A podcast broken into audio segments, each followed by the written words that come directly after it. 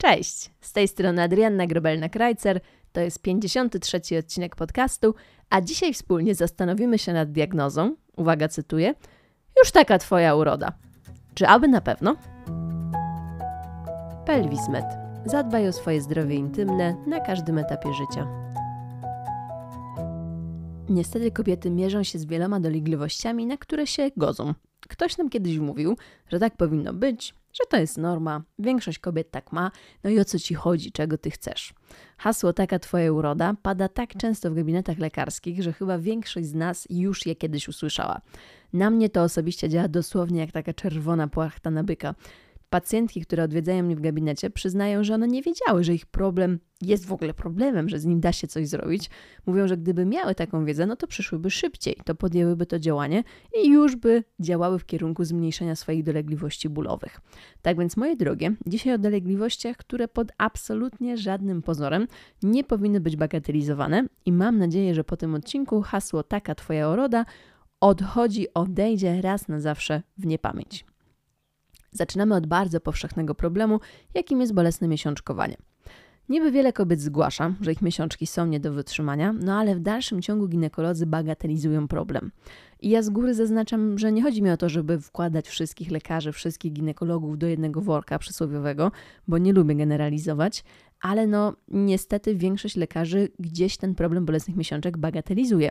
Oczywiście zdarzają się tacy, którzy bardzo chcą pomóc swoim pacjentkom i wielki szacunek im za to, ale no niestety większość kobiet w dalszym ciągu dostaje jedynie receptę na antykoncepcję hormonalną, tak przeważnie to wygląda z mojego doświadczenia gabinetowego, albo na jakieś mocniejsze leki tabletki przeciwbólowe.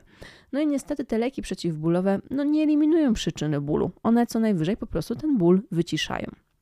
No i zapamiętaj to raz na zawsze, że Twoja miesiączka nie powinna boleć. A jeżeli boli, no to znaczy, że coś jest nie tak, bo ból zawsze ma jakieś podłoże. I tutaj najważniejsze to je odnaleźć. Okazuje się, że około 33% kobiet, słuchajcie, kwalifikuje ten swój ból miesiączkowy jako ostry, trwający od jednego do trzech dni co miesiąc. No i to znacząco wpływa na jakość naszego życia, a z powodu miesiączki 1% kobiet na świecie jest niezdolna do pracy właśnie od 1 do 3 dni w miesiącu. Dalej idziemy. 14% nastolatek co miesiąc opuszcza szkołę z powodu bólu menstruacyjnego. Ja do tej pory mam w głowie koleżanki jeszcze gdzieś tam z okresu właśnie gimnazjum podstawówki, które w trakcie miesiączki po prostu nie przychodziły do szkoły albo musiały być odbierane przez swoich rodziców, odbierane nieraz przez pogotowie, bo dosłownie mdlały w trakcie tego bólu menstruacyjnego.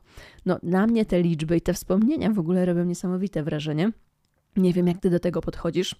E, no i właśnie chociażby dlatego, może o tym słyszałyście, niektóre kraje wprowadzają tak zwany urlop menstruacyjny i to bodajże, mm, nie chcę teraz skłamać, sprawdźcie to jeszcze, ale bodajże jest to chyba Hiszpania. No i oczywiste jest, że będziesz odczuwała pewien rodzaj dyskomfortu w czasie menstruacji, ale on nie powinien powodować, że musisz rezygnować ze swoich codziennych aktywności, nie musisz rezygnować z pracy czy szkoły, nie musisz zmieniać, modulować jakoś bardzo treningu. Jeśli ta miesiączka co miesiąc wpływa i wyłącza cię tak zupełnie, wyautowuje na kilka dni z życia, no to to jest ten najwyższy moment, żeby szukać pomocy. No i z takich rzeczy konkretnych musimy tutaj wiedzieć, że my dzielimy ten ból miesiączkowy na dwa rodzaje, na dwa typy. To będą przyczyny bolesnych miesiączek pierwotne oraz tak zwane przyczyny wtórne. No i te bolesne miesiączki pierwotne odnoszą się tylko do występowania bólu i one nie mają innego podłoża patologicznego. Czyli najprościej mówiąc, w organizmie tej kobiety nie toczy się inna choroba ginekologiczna. I za przyczynę tego bólu uznaje się najprawdopodobniej nieprawidłowe wydzielenie prostaglandyn właśnie z endometrium w trakcie menstruacji. I co ciekawe, u kobiet zmagających się z bolesnymi miesiączkami faktycznie wykryto znacznie wyższe stężenie prostaglandyn w porównaniu do tych kobiet, które przechodziły miesiączki bezboleśnie. No i te miesiączki pierwotnie bolesne e, przeważnie pojawiają się u kobiet młodszych przed 20 rokiem życia, zanim ten ich cykl menstruacyjny ulegnie ustabilizowaniu. Czyli tutaj jeszcze raz powtarzamy, ból pierwotnie występujący, czyli pojawiał się prawdopodobnie od początku występowania miesiączki. Z kolei ta druga grupa, bolesne miesiączkowanie wtórne, polega już na występowaniu bólu, ale w odpowiedzi na obecność innych patologii ginekologicznych. No i do takich patologii możemy przykładowo zaliczyć występowanie mięśniaków macicy, występowanie endometriozy, nowotworów albo ostrego zapalenia narządów miednicy mniejszej i ten ból wtórnie występujący pojawia się u kobiet przeważnie jednak po 20 roku życia. Czyli mamy tę granicę 20 roku życia. I w tym przypadku ból może nasilać się pod koniec krwawienia. Nie możemy absolutnie bagatelizować tego bólu miesiączkowego, ponieważ tak jak no doskonale słyszysz, on może oznaczać poważną chorobę, którą czym szybciej wykryjemy, tym po prostu szybciej wprowadzimy leczenie. No i nasza fizjoterapia uroginekologiczna świetnie radzi sobie właśnie z bólem pierwotnym. Ból wtórny zostawiamy przede wszystkim na początku do diagnostyki ginekologicznej i do leczenia ginekologicznego, ale ten ból pierwotnie występujący jak najbardziej właśnie tutaj się poddaje fizjoterapii. Natomiast musisz wiedzieć, że fizjoterapia nie jest jedyną i ostateczną i idealną metodą walki z bólem, bo tutaj też trzeba się skupić na odpowiednio dobranej aktywności fizycznej, na zdrowej diecie, nawodnieniu, suplementacji, no i bardzo często też równo, e, takiej równowadze jednak emocjonalnej, emocjonalnej i psychicznej. Czyli pierwsza dolegliwość z wora, taka Twoja uroda, mamy ból miesiączkowy. Idziemy dalej. Kolejna dolegliwość, która jest zbyt często według mnie bagatelizowana, to bolesne współżycie płciowe. No i słuchajcie, to również nie jest normą, że za każdym razem ten seks boli. Bolesne współżycie, ono po prostu musi mieć swoją przyczynę. Ponownie, my mówimy nawet więcej. Ono ma nawet swoją nazwę w nomenklaturze medycznej. My na bolesny stosunek mówimy medycznie dyspareunia. No i teraz na logika. Jeżeli coś ma swoją nazwę w międzynarodowej klasyfikacji chorób i problemów zdrowotnych ICD-10, to po prostu musi istnieć naprawdę. To nie jest zmyślony problem przez daną kobietę. I nie daj sobie wmówić, to jest dla mnie w ogóle kosmos i dramat, że lampka wina przed seksem jest lekarstwem na twój problem, że ona coś zmieni, że się rozluźniesz i spowoduje, że ten stosunek nie będzie bolesny. Nie słuchaj też lekarza, która ci wmawia, że może warto zmienić partnera, tak? albo przed seksem stosować jakieś leki znieczulające, kremy znieczulające. A na pewno uciekaj, kiedy twój lekarz chce wykonać operację poszerzania krocza jako receptę właśnie na bolesny seks. No i niestety to wszystko, to są wszystko historie moich pacjentek z gabinetu. I im na szczęście mi się już udało pomóc. Ja wierzę, że tobie też się uda, jeżeli ten bolesny seks jest twoim problemem, ale na początek ostudzimy trochę emocje i zacznijmy w ogóle od tego, dlaczego seks boli bo tych przyczyn może być wiele, no ale do najczęstszych zalicza się m.in. na przykład zbyt mocno napięte mięśnie na miednicy. I jeżeli te mięśnie na miednicy są za mocno napięte, to one w takiej sytuacji po prostu nam zamykają, zmniejszają bardzo mocno wejście do pochwy i partner na przykład musi użyć więcej siły, żeby wprowadzić penisa do pochwy, co ty możesz odbierać jako duży ból, duże pieczenie, takie wrażenie wręcz rozwierania nie, tego wejścia do pochwy. Drugim problemem może być na przykład suchość pochwy i wrażenie tarcia w trakcie seksu, czyli ta śluzówka pochwy jest odwodniona, jest krucha, może pękać nawet w trakcie współżycia. Ból może też wynikać z problemów hormonalnych, właśnie na przykład w czasie karmienia piersią, stosowania antykoncepcji hormonalnej albo już tego okresu menopauzy. U tych pacjentek na pewno widzimy niższe stężenie estrogenu i to się znowu może przyczynić do tego wrażenia suchości pochwy. Idziemy dalej. Dyskomfort może brać się przykład z aktualnie toczącego się stanu zapalnego, jakiejś infekcji, która wymaga po prostu diagnostyki i leczenia. Problemem może być blizna po nacięciu albo pęknięciu krocza w trakcie porodu i jeżeli ta blizna jest sztywna, jest gruba, jest gdzieś tam przyklejona, przyrośnięta, no to ona będzie bolesna w trakcie penetracji, bo partner wprowadzając penisa do pochwy po prostu tę bliznę cały czas będzie stymulował. Głęboki na przykład dyskomfort w trakcie seksu może być związany z obniżeniem narządu albo jakimiś wzrostami endometrialnymi. Problemem dalej może być pochwica, która powoduje, że Twoje mięśnie na miednicy kurczą się właśnie w reakcji na penetrację, co dzieje się wbrew Twojej woli. No i w końcu, to jest bardzo ważne, na koniec, ale uważam, że może i nawet najważniejsze, problemem może być sam stan psychiczny i emocjonalny. On będzie miał wielki wpływ na odczucie w trakcie seksu. Tak więc widzisz, że tych przyczyn bólu jest wiele, pewnie byśmy mogli jeszcze mm, nie jedną wymienić, ale na pewno no, na żadne z powyższych nie pomoże nam lampka wina, umówmy się.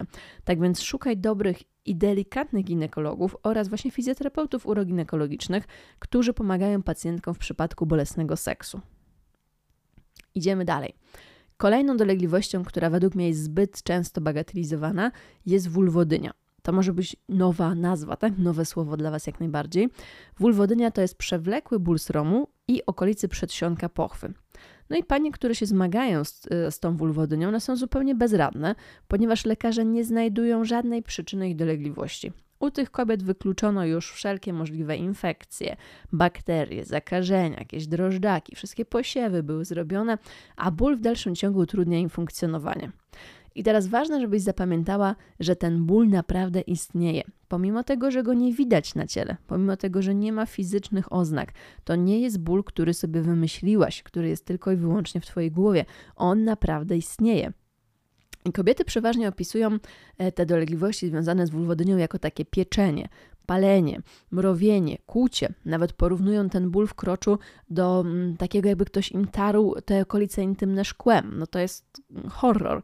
Ponadto one unikają seksu, no bo powoduje nasilenie objawów. Pacjentki szukają pomocy przez kilka lat, dopóki nie zostaną prawidłowo zdiagnozowane. I trafiona diagnoza bardzo często poprzedza niestety długotrwałe leczenie z powodu infekcji bakteryjnych, grzybiczych pochwy. To się wiąże z przyjmowaniem antybiotyków, globulek, tak, do pochwowych. Każda z nas pewnie taką historię kiedyś miała. E, no i ta aplikacja po prostu tych globulek jest niemożliwa z powodu bólu. I przyczyna niestety powstawania wulwodyni nie jest do końca znana.